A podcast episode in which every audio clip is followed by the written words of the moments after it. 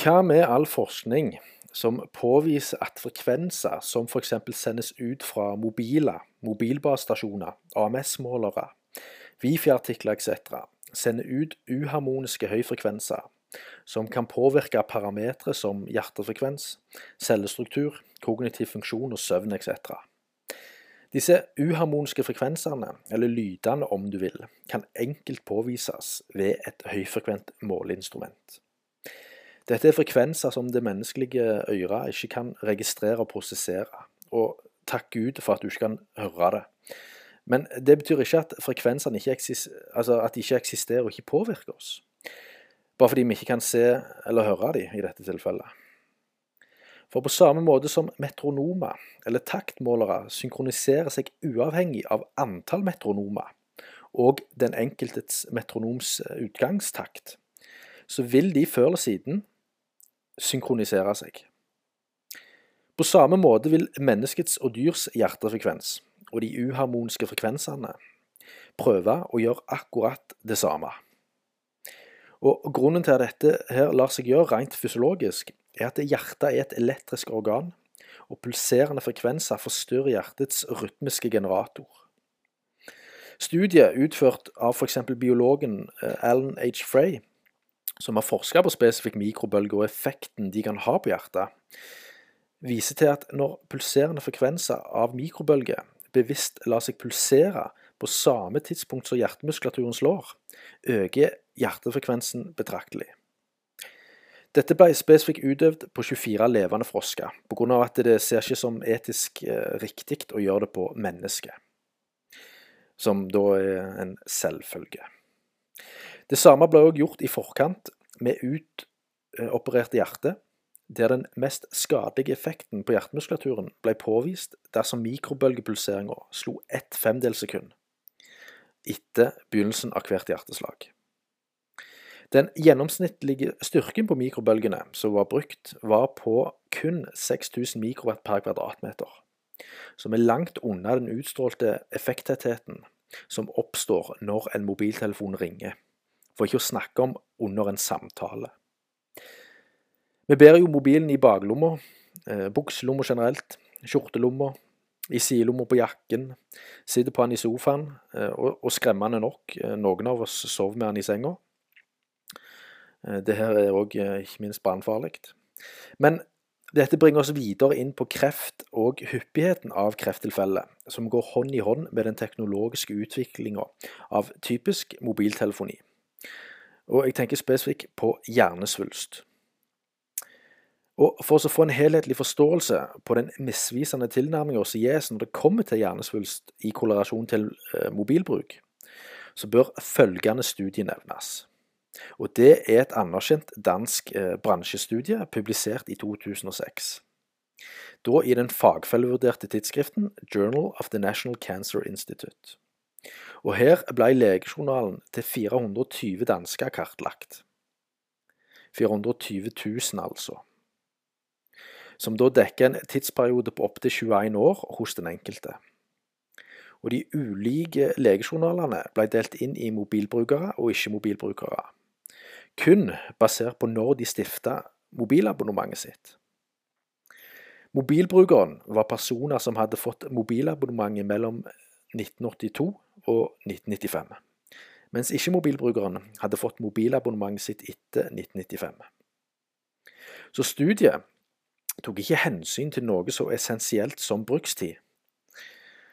Og Som et eksempel, naboen din i dette tilfellet var kategorisert i studiet som en ikke-mobilbruker, siden han fikk abonnementet sitt etter 1995. Men bruker mobilen sin veldig mye mens du som stifta mobilabonnementet ditt før 1995, kalt mobilbruker, har uh, hatt mobilen din liggende i kjelleren siden. Så du kan forstå at mobilbruker og ikke-mobilbruker blir fullstendig misvisende og unøyaktig. Og dette summerer opp kvaliteten på studiet. Og På bakgrunn av dette konkluderes det med at mobilbruk faktisk kan være beskyttende mot gliomer, altså hjernesvulst. Samtidig, når grunndataen på dette her studiet blir forespurt av uavhengige forskere for å kunne kvalitetssjekke dataen som ble, ble brukt her, så tilbakeholdes dataen og forespørslene avvises. Dette er å definere som et bransjestudie, der bransjen og dens finansierte forskere påviser akkurat det de ønsker. Når det er sagt, så er det slik at data som virkelig gir en god indikasjon på mobilbruk til folk, og som kan brukes til å styrke forskninga i dette tilfellet, det ligger hos mobilselskapene sjøl. Og Dette er data som ikke blir gitt til uavhengige forskere, sånn at det grundige og massive studier kan utøves. Selv om studiet her fant en lavere forekomst av gliomer hos mobilbrukeren, da riktignok kun hos menn, så fant studiet en økning i forekomsten av brystkreft, lungekreft, blærekreft, prostatakreft, tekstikkelkreft, livmorhalskreft og nyrekreft.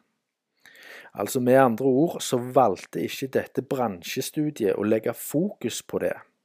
Fokuset var på hjernesvulst, siden studiets statistikk talte for mobilbruk, men da kun på bakgrunn av en misvisende metodikk med tilbakeholdt grunndata, som jeg var inne på. Hvorfor er det bransjens egne finansierte forskere og institutt som alltid får siste svar? Jo, det er forståelig når utfallet har alt å si for telekomindustriens og deres assosiertes framtid og satsing. Så hva med alle disse studiene som rapporterer om en tredobling til en femdobling i hyppigheten av hjernekreft hos mobilbrukere, som har blitt eksponert i over ti år eller mer. IARC under Verdens helseorganisasjon har til og med klassifisert trådløse frekvenser som potensielt kreftframkallende i 2011. Og betegnelsen gjelder høyfrekvenser med lav effekttetthet, og dekker alle elektriske artikler som avgir slik type stråling, som mobil, wifi, babymonitorer osv som det legges fram av nevrokirurgen Charlie Theo, at pasienter med påvist svulst har økt kraftig i takt med utbygginga av mobil- og telekommunikasjonen. Hos pasientene ligger minst en tredjedel av svulstene i hjernen lokalisert rundt øret. Uavhengige forskere, hjernekirurger og kreftspesialister har de siste år fått flere tilfeller å håndtere. Og følg med nå, for i Sverige i 2007 ble det påvist at alle typer kreft foruten hjernesvulst ble rapportert i henhold til gjeldende rutine. En tredjedel av alle diagnoser med hjernesvulst fra universitetssykehusene og flertallet av diagnosene utført på fylkessykehusene ble ikke rapportert til det svenske kreftregisteret. Dette er for så vidt ikke noe nytt, for revisjon utført tilbake i 1994 viste at land som Finland underrapporterte spesifikk hjernesvulst. Samme kan sies om USA, men der har problemet vært enda større. Og ikke bare omhandle hjernekreft eller svulst, men generelt all type kreft. Dataen som kommer fra delstatene til overvåkingsorganet som drives av det nasjonale kreftforskningsinstituttet, er underrapportert. Og Hvis han hører på forskere som David Harris fra USA, så skyldes dette mangel på ressurser, grunnet økt forekomst av krefttilfeller, i korrelasjon til en stadig begrenset økonomi. Men det stopper ikke der, for sykehus ilagt krigsveteranadministrasjonen og Forsvarets medisinske enheter i statene har vedtatt at de ikke ønsker å rapportere krefttilfeller eh, til Kreftregisteret. Og USAs forsvarsdepartement samarbeider heller ikke med kreftregistrene. I uttalelser gitt av Dennis Deepen fra kreftovervåkingsprogrammet i LA, så ble det advart at i forskningsrapporter fra rundt 2005 og framover så bør det alltid stå en anmerkning, eller kanskje helst et klistermerke, som han sa på forsida, for å minne forskere og publikum om at tallene ikke er reelle i det hele tatt. I Calgary i Canada, ved Southern Alberta Cancer Research Institute, så oppdaga de en økning på hele 30% i underarta hjernesvulst i den korte perioden mellom 2012 til 2013.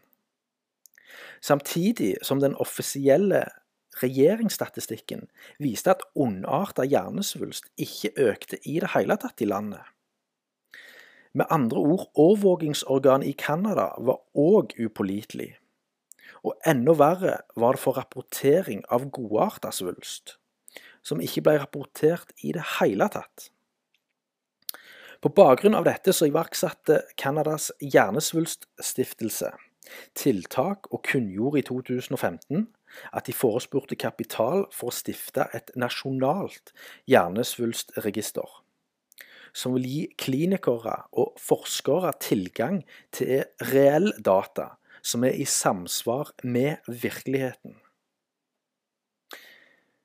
Kan det være at vi lever i ei tid så falsk og manipulert at folk ser sannhet som urealistisk og negativt? Om så betyr ikke det at framtida er negativ.